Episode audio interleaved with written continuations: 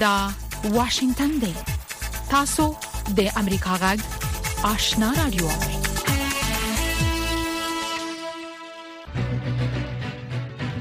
درنو اوریدونکو ستړي مشئ زه نام شابه آشنای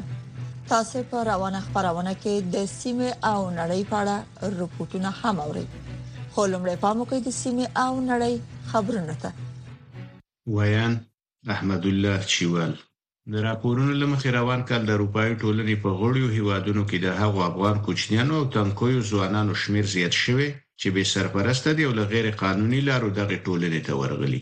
د یوروپین ټایمز ورځپاڼې د راپور له مخې یوازې په جون میاشت کې په دې ټولنه کې له درې اتیا زرو زیات کسان رسماً د پناه اخیستونکو په توګه ثبت شوي چې دا د مخکینۍ میاشتې په پرتله پنځه یشت سلنه زیاتوالی ښيي. په دې ډله کې دوه زره نهه سوه پنځه اویا بې سرپرسته کوچنيان او تانکي ځوانان دي چې له سوريايانو وروسته دوهمه لويه ډله يې افغانان دي. د ايروسټېټ په وينا د دغو افغانانو شمېر نهه سوه لس ته رسېږي. د بشري حقونو د څار سازمان هيومن رايټس واچ يوې چارواکې ويلي، په افغانستان کې د ملګرو ملتونو د مرستندویه کارکوونکو لپاره اوس شرایط ډېر سخت دي. د دې سازمان د اسیا د برخې مرستیالې پټریشیا ګاسمن تېره ورځ ناوخته ازادۍ راډیو ته ویلي، چې تر ټولو سخت شرایط له هغو مرستندویه سازمانونو سره د مالي مرستو کموالي رامنځته کړی، چې په دې هېواد کې د بشري چارو فعالیتونه سرته رسوي. پټرېشا ګاسمن د ښځو پر کار د طالبانو له خوا لګول شوي بندیز ته په اشاره ویلي چې په افغانستان کې اوسنی وضعیت د مرستندویه کارکوونکو لپاره چې د دې په خبره بې پرې کار کوي، فعالیت ډېر ستونزمن کړی. په جرمني کې د ښځو د حقونو د فعالانو د یوې ډلې اعتراض چې په افغانستان کې د جنسیتي اپارتاید په رسمیت پېژندنه غواړي، څلور ورځنی شو په جرمني کې د ښځو د حقونو یو شمېر فعالانو په افغانستان کې د جنسیتي اپارټاید د رسمیت پیژندلو په موخه خپل اعتراضونه بیا پیل کړي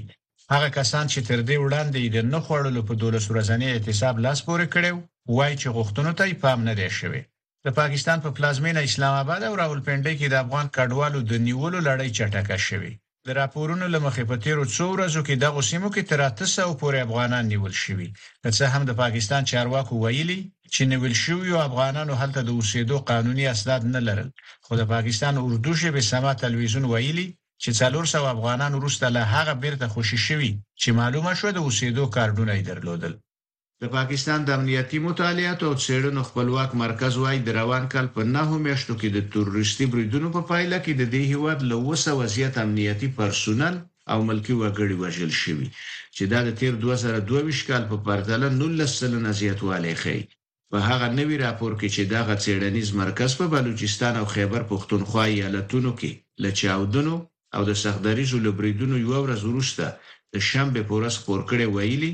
چې روان کال په تروریستي بریدونو کې مرګ ژوبله زیاته شوې او د ټولې اوښتې مرګ ژوبلې دوه نوي سلنه یې افغانستان پولې ته څیرمه په دغه دوو ایالتونو پورې تړلې. له امریکا غږ څخه خبرونو ته دوام ورکوو. د شمالي اتلانټیک تړون سازمان، ناټو د سربستان پخواني ولایت کوسوو کې د خپلو ځواکونو د لا قوي کولو لپاره شپږ سوه بریتانوي سرتیري دې سیمه کې ځای پر ځای کړي. ناټو داسې مهال په دې سیمه کې خپل نظامي حضور ډیروي چې تیره اونۍ هلته وسله والې شخړې وشوې ناټو په کوسوو کې د سوله ساتنې په ماموریت کې څه باندې څلور نیم زره سرتیري لري چې د بېلابېلو هیوادونو ځواکونه پکې شامل دي. اوکرایني چارواکي وايي چې روسي پوځیانو تېره شپه د اوکراین پر خرسون سیمه د توپونو تازه برید کړی. په دې اړه زما همکاره راپور راکوي. د رپورټونو لمخې د خرسون د والي اولګزندر په حواله ویلي چې د غوبریدونو کې یو تن وژل شوی او دوه ماشومان په ګډون شپږ تنه ټپيان شوی دي برید کې د ارتودوکس یو کلیسا هم زیانمن شوې ده د اوکرایني چارواکو په خبره روسي پوځیان چې د دنې پر سند چپی غاړې ته ځای په ځای شوي نږدې هر ورځ د خرسون په مرکزی ښار او نورو آزادو شو ځایونو د توغندیو او توپونو ډزې کوي نظرانه یوسفزي امریکا غږ واشنگټن ترکي ځواکونو د دغه هیواد پلازمینه انقره کې د کورنیو چارو وزارت مخې ته پرون له ځانمرګي او وسلوال برید وروسته د عراق په شمال کې د کورد یاغیانو پر بېلابېلو اهدافو هوایي بریدونه کړي. د ترکیې حکومت ویلي، چې په دغو بریدونو کې شل بېلابېل اهداف او د کوردستان کارګر ګوند، پي کې کې، په نامه د کورد یاغیانو د منع شوې ډلې ګڼ وسلوال له منځه وړي. تر دې مخکې پي کې کې منلې وه چې انقره کې د یکشنبې ورځې ځانمرګی برید د دوی اړوندې ډلې کړی و. د لوبو له ډګره وروستی خبر دا دی چې د افغانستان کرکټ بورډ په یو تازه خبر کې ویلي چې هندي اجې جدېجا یې د ملي لوبډلې لپاره د مشاور یا سلاکار په توګه په دنده ګومارلی. د روانې اکټوبر میاشتې په دویمه نېټه د کرکټ بورډ په خپره شوې خبرپاڼه کې لیکل شوي، د هندوستان ملي لوبډلې پخوانی لوبغاړی، اجه جدیجه چې د کرکټ لوبې د روزنې اوږده مخینه لري، د کرکټ په راتلونکي پنځوس اووریز نړیوال جام کې به د افغان ملي لوبډلې د سلاکار دنده ترسره کړي. دا و د دې ساعت خبرونه چې تاسو ته مو په واشنګټن کې د امریکا غږ له سټوډیو وړاندې کړل. د سیمې او نړۍ خبرونه مو واوریدل په موقع د سیمې او نړۍ په اړه رپورټونه ته د طالبانو د حکومت د لوړ زده کړو وزارت په افغانستان کې اوبو د مدیریت او پر دغه هیواد د اقلیم د بدلون د اغیزو د مخنیوي د لارو چارو د لټولو لپاره د یو علمي نړیوال کانفرنس د جوړیدلو تابع نیولې ده په یو مقالماتي کانفرنس کې د دغه کانفرنس د جوړېدو د هدف او پایلو په اړه د لوړو زده کړو وزارت چارواکو خپل نظریات وړاندې کړل په دې اړه نور تفصيل د اکرام شینواری پر رپورت کې اوري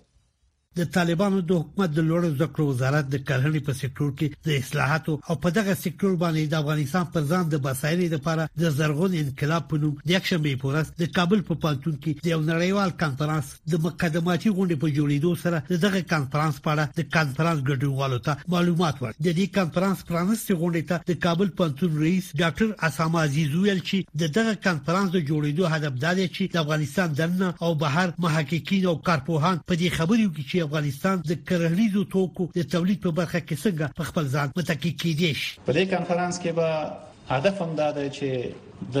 هیواد دننه او بهر سیړونکو محققین متخصصین استادان په یو چتر لاندې سره راټول شي کینی او د هوا د ځان بسیاینې لپاره خپل نظرونه تبادله کړي علمي بحثونه وکړي مناقشه وکړي او بیا دا د تطبیق لپاره هغه پالیسي جوړونکو جهاتو سره شریک شي.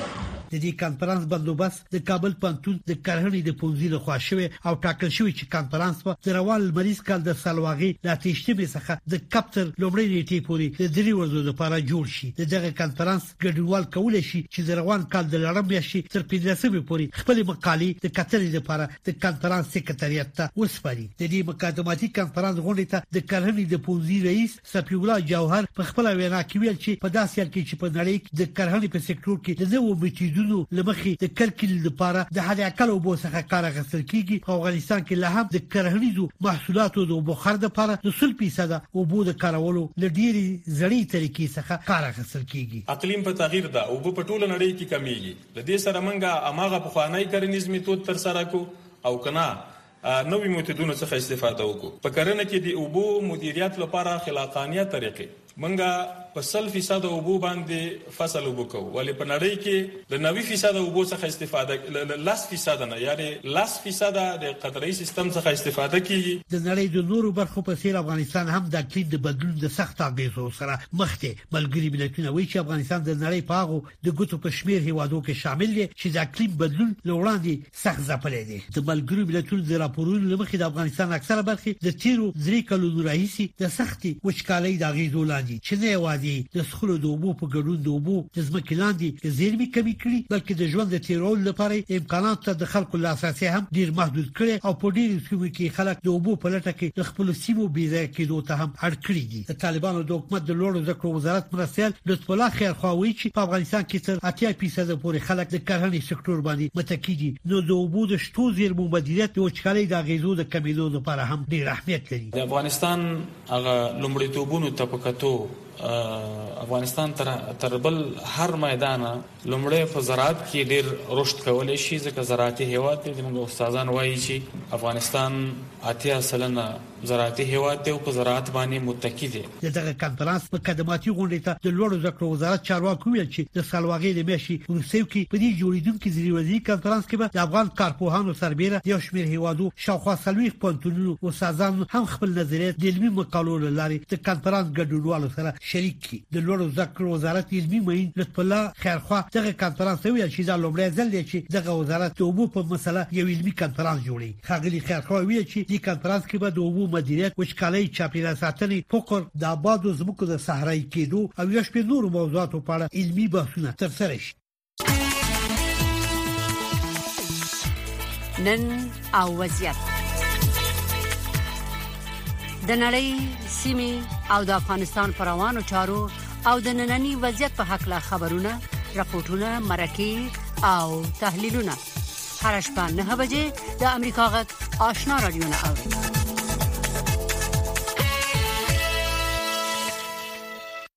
تاسو زموږ غږ د واشنگټن د سټډیو نه اورئ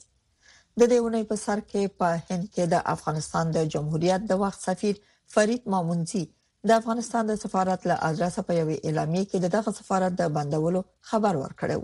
شنن کې وایي چې هند ته طالبانو ته د افغانستان د سفارت حواله کول اسانه نه يي. د دې موضوع تفصیل په رپورټ کې اورئ. په هند کې د افغانستان د سفیر فرید مامونزي له خوا د سفارت د تړلو په اړه د خپرې شوې اعلامیې په ژبه کې د هند له حکومت څخه خفګان له ورایه ښکاري. په هند کې د افغانستان د سفارت تړلو د دې سفارت د راتلونکي او هلته پر مېشتو افغانانو د دې سفارت د تړلو ممکنه اغېزو ډول ډول پوښتنې راولاړې کړي. افغان کارپوهان وايي چې هند له یوې خوا غواړي چې د طالبانو سره اړیکې ټینګې کړي خو له بلې خوا د دغه هېواد پخواني سیاستونه او کورني سیاسي فشارونه یې د طالبانو سره د په ډاګه د اړیکو په مخ کې خنډ دي. نو دوی کوشش کاوه چې په تر پلان لاندې اوبه تېرې کړي. هڅه یې دا وه چې بس هم هلته فعالیت ولري او هم ځان ناګاره واچوي. په دا رقم باندې پاتې نه شول او مجبور شول چې په زموږ په دیپلوماتانو باندې په هند کې فشار واچوي او دا فشارونه یې له تېرو دوه کلونو کله چې دوی هلته خپل سفارتي فعالیتونه شروع کړل دا فشارونه زیات کړل ورستر ولې پوری او هغه اصل ډیپلوماټیک عرف او عنعناتونه مخلاف هغه فشارونه وکول یو شمېر افغانان بیا د هین او افغانستان اړیکو ته په کتلو سره د هین پر وړاندې د افغانستان د سفارت لخوا د خبرې شوی اعلامیه او په دغه ډول د سفارت بندول مناسب نه ګڼي. له دې وړاندې د ایران او پاکستان په ګډون په ځینو هېوادونو کې د افغانستان سفارتونو کې د جمهوریت د وخت ډیپلوماټانو پر ځای د طالبانو ډیپلوماټان ټاکل شوي. تازه تازه رسنیو ته په ترکیه کې د افغانستان په سفارت کې د طالبانو لخوا د یو ډیپلوماټ د ټاکل کېدو راپورونه هم رسېدلي. خو ازادو سرچینو لا په دې اړه څه نه دي ویلي. شنونکي په هند کې د افغانستان د سفارت د تړل کېدو سره سره په افغانستان کې د هند د ښکېلتیا د دوام اټکل کوي. هند غواړي چې د افغانستان په قضایو کې همیشه شامل پاتې شي، مخصوصاً دغسې یو وخت کې چې هندوستان چې چینایانو په افغانستان کې دې ته لېوالتیا ښودلې ده چې دلته سرمایهګذاري کوي تقریبا په دغه کار دوی پیل هم کړی نو ځکه هندوستان نه غواړي چې د دغه مسایل نه لرې پاتې شي. په هند کې مېشت افغان کډوال د سفارت د بندېدو له امله خواشیني دي. د افغانستان سفارت په ډیلي کې بندېدو افغان کډوالو ته، محصلینو ته او تجارو ته هم ډېر زیات ضرر به ورسوي. او د حیثیتي لحاظ دا چې په هندستان کې په دغه بد شرایط چې افغانستان باندې راغلی دا افغان ډیپلوماټانو ته سہولت برابر نشي دا د حیثیتي لحاظ هندستان تم خنه ده هندي رسنیو د هندي حکومتي سرچینو په حواله راپور ورکړی و چې په هند کې د افغانستان د سفارت ټول فعالیتونه وروسته له هغې وځنډول شول چې د افغانستان د سفارت ډیپلوماټان اروپا یا هم د امریکا متحدو ایالتونو ته د پناه اخیستلو لپاره له هنده ووتل، خو د هند په پلازمېنه نوي ډیلي کې د افغانستان د سفارت له خوا خپرې شوې اعلامیې د نورو لاملونو برسېره د سفارت سره د هند د حکومت د ملاتړ نشتوالی د سفارت د تړلو د اصلي لامل په توګه یاد کړی. احمدالله چیوال، اشنا تلویزیون، واشنګټن.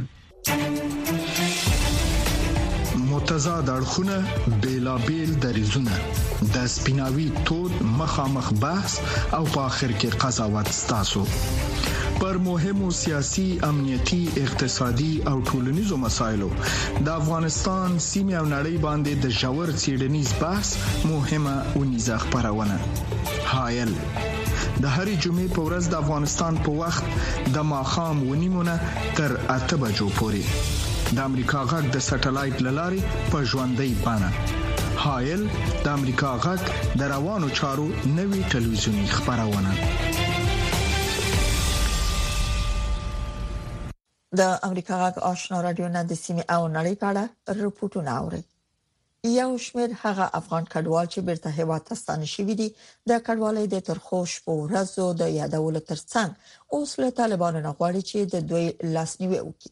طالب چارواکي که څه هم د سہولتونو د رامنځته کولو ډاډ ورکړي خو شنن کې د بیروزګاری ترڅنګ د جنونو پر مخ د خونځیو بندیدل هم د بیرته ستنیدونکو افغانانو لپاره د اندېښنې وړ ګڼي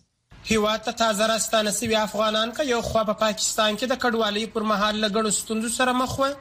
نو بل خوا هېواد ته له راتلو وروسته هم د ژوند له کړاوونو سره لاس او ګرېوان دي. لال شېر له پاکستانه د راستنېدو کیسه کوي. داسې زنانه یې نیولي دي چې څلور میاشتې پرې تېرې کړې، نورې زنانه چې دي هغه به په اولاد ناجوړه وي، چا به نه پرېښودی. دې لاره موږ چې راتلو، دې بچي مو یو چرګ اخیستی و، ویل درې زره روپۍ به راکې مزه دا ستا شو نو هیڅ یې رانه واغسو په دې ځي کې لا تخیم نو دغه شانتي حال شروع لا کافر رااله موږ باندې خو دومره ظلم موږ سر نه وکړي لکه دای چې موږ سره کم ظلم شروع کړو که څه هم په دې وروستیو کې زیات شمیر افغانان له هیواده د وتلو په هڅه کې دي خو په ورته وخت کې یو شمیر بیا له ګاونډیو هیوادونو بیرته افغانستان ته راغلي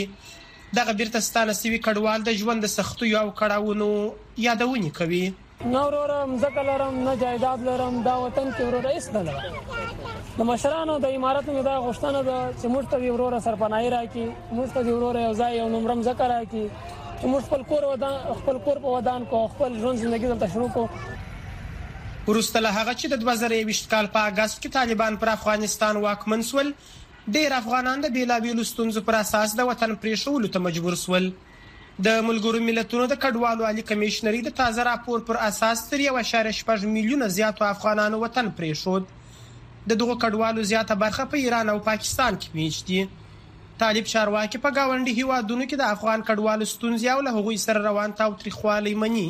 نمایندهها تعیین شد اینا بیان به از وضعیت و حالت مهاجرین پرسان کنه و دیدن کنه چی مشکلات است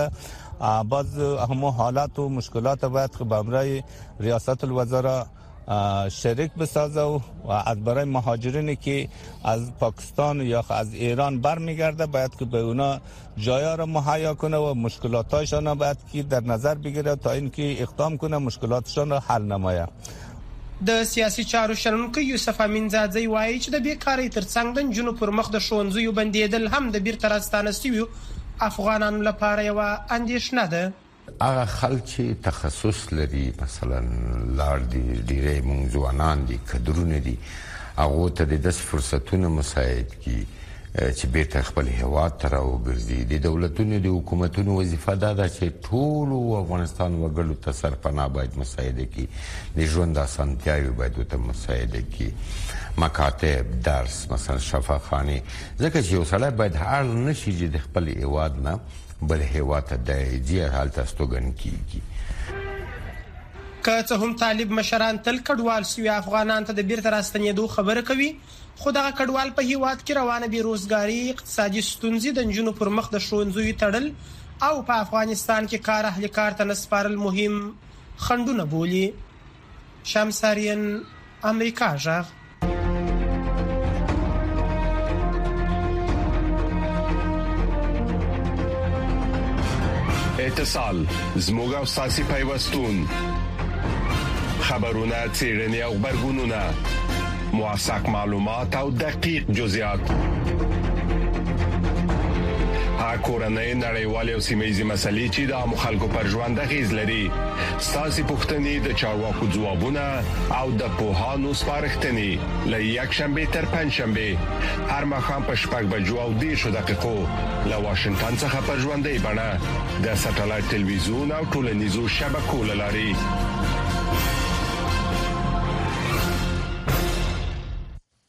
د سیمې او نړۍ په اړه رپوټونه د امریکا غږ آشنا رادیو نه اوري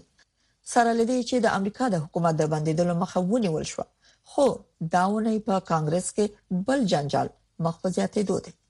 د کانګرس یو محافظه کار وکیل ژمنه کړې چې ټینګه اراده لري چې د کانګرس جمهوریت غوښتونکو رئیس کیون ماکارتی برطرف کړي په دې اړه د امریکا غږ خبريالې ویرونیکا بلرایس اګلیسیاس رپورټ را لېږلی چې تاسو چې تاسو پښتو ژباړه اورئ. د لنډ مهال دا مالي تمویل چې د کانګرس لخوا د شنبې په ورځې تصویب شو او جمهور رئیس جو بایډن لاسلیک کو، له مخې به یې د امریکا حکومت د نومبر میاشتې تر نیمایي پورې فعال پاتې شي. خو بایډن د یکشنبې په ورځ د دې جنجالي پروسې د تکرار پر ضد ځکه خبرداری ورکړو چې ویل کیږي یوولس ساعته وخت یې ونیو چې یو لنډمهاله قانوني حل پیدا شي. دا خطرناکه لوبه باید ختمه شي او بل داسې بحران باید نه اوسي. اصلا د بل بحران جوړولو لپاره هیڅ دلیل باید ونه اوسي. بالاخره زه په کانګرس کې له خپلو جمهوري غوښتونکو ملګرو هیله کوم چې ډیر ونه ځنډیږي. وخت د تیر دوبي په څیر مه ضایع کوئ او د حکومت یو کلن تمویل تصویب کړئ او د هغې هوکړې درناوی وکړئ چې څو میاشتې دمخه مو کړی دی. خو په کانګرس کې ممکن بله قیصه پیلیدونکي سخت دریځه محافظه کاران د کانګرس د رئیس کیوین مکارټي په دې اقدام خوشاله نه دي چې د ډیموکراټانو سره یې د حکومت د لنډمهاله تمویل موافقه کړې. د هغه لرې کول اوس د محافظه کاره جمهوري غوښتونکي استازي میټ ګیټس لپاره کاري لومړیتوب دی.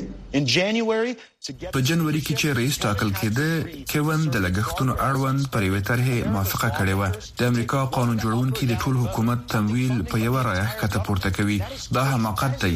همدا دلیل دی چې موږ درې دېرش تریلیون ډالره پوروړي یو. موږ غواړو چې د لګښت اړوند یو ثابت قانون ولرو. هغه ژمنه کړې وه خو ماته یې کړه. خو د مکارتي غبرګون هم جدي و، هغه د سي بي اېس فېس د نشن خپرونه کې ځواب ورکړ.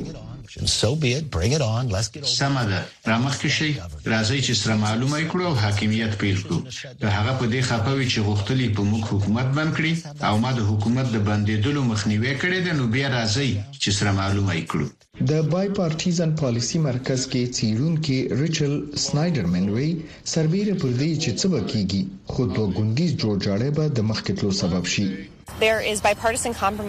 هلته د اوکراین سره د اضافي مالي مرستو کولو یو دوه ګوندیزه موافقه شته. زموږ د ځواکونو د ملاتړ لپاره هم شته. او دا چې زموږ سرحدي امنیت لپاره پوره لګښت ورکړل شي نو فکر کوم په راتلونکو ونوي کې به په دا ډول مهمو اولویتونو باندې د غور کولو هڅه ووینو بل سیاسي څیړونکی آسکر پو کسنګر په دې باور دی چې اوکراین او ټوله نړۍ به دا وضعیت په دقت څاري. زما په اند د اوږد مهال لپاره موږ باید د بنسټونو پر اساسي اصلاح غور وکړو او داسې لارې چارې پیدا کړو چې په کانګرس کې ډیر سیاسي ګوندونه حضور ولري، په دې ډول به په مقننه قوه کې پراخه اجماع ولرو او د دې حالت برعکس به وي چې اوس هر څه د دوه اکثریت لرونکو ګوندونو ترمنځ ښکته پورته کیږي. پوک سینګر وایي، تر دې زیاته سیاسي بې ثباتي به د امریکا اعتبار او اقتصادي اقتدار ډیر زیانمن کی. رپوټونو ته ادامه ورکوو. وروسته له هغې چې یو نامعلوم ټیک ټاکر د مصنوعي ځیرکتیا په کارولو سره یوه سندره جوړه کړه چې اکثره خلکو یې په اړه دا فکر وکړ چې دا د پاپ موسیقۍ ستورو جوړه کړې ده اوس ماهرین وایي د موسیقۍ صنعت باید پریکړه وکړي چې موزیک څنګه اداره کړي دا د سندرو د یو ناصرګن ټیک ټاکر لخوا خبره شوې ده د سندره د هنرمندانو ډریک او د ویکند په شان غوونه لري د سندره د مصنوعي ځیرکتیا په مرسته جوړ شوې ده دغه سندره مینوال ډیر متاثر کړل خو بیا د میوزیک په ډګر کې ځینې اندېښمن هم کړل ماهرین وایي چې د دې کار سر تر سوال دومره سخت نه دی کله چې یو کمپیوټر په ریتم پوه وي نو غږونه سموي او الزاما زیاتو اطلاعاتو ته اړتیا نه لري. د یونیورسل میوزیک ډله چې د دواړو هنرمندانو استازیتوب کوي د دغې نه وروسته یو بیان خپور کو چې د هنرمندانو د میوزیک د ساتنې په اړه باندې ټینګار کوي خو کارپوهان وایي چې د ای آی سره دا ډول تجربې یوازې یو نوی پیل دی. د غاښونو کریم بیرته په ټیوب کې نه ننوځي. موږ باید پوه شو چې دا همداسې ده. وانګ د موسیقۍ او AI په اړه درس ورکوي. هغه د AI د سرعت په اړه اندېښمن دی. هغه څه چې په خطر کې دي هغه دا دي چې موږ څنګه خبرې کولی شو، څه کار کوو، څنګه حکومت کوو او دا چې موږ څنګه هنر ته وده ورکوو. ربیکا وایي چې د موسیقۍ سره تړلي خلک باید په دې اړه فکر وکړي. ایا دوی دا پریکړه کوي چې د پیسو ګټلو غوره لار د ای آی سندرو پیل کول دي چې انسان ته پکې ډیره اړتیا نشته؟ د ډریک د دغه سندرې د خبرېدو راهیسې هنرمند ګرامز د ای آی غږیک سافټویر جوړ کړی دی چې نورو ته اجازه ورکوي چې د هغې د غږ سره موسیقي جوړه کړي او وړاندیز کړی دی چې نیمایي پیسې باید هغې ته ورکړل شي نصرانه یوسفزۍ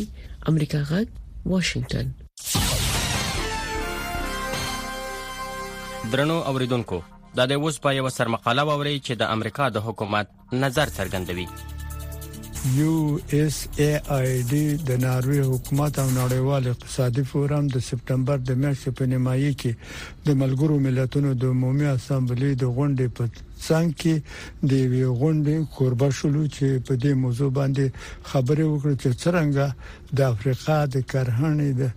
د ودې په تمویلولو کې ښه مرسته وکړي او نوې لارې پیدا کړي چې د هغه چا سره ښه ملاتړ وکړي چې د خوړو په وده کولو، پراسس کولو او خرڅلاو کې لاسرسی ولري چې استهلاک کوونکي یې خوري. د کرهڼې سکتور د افریقا د بشري قوا د درو نه دوه برخې استخداموي، بیا هم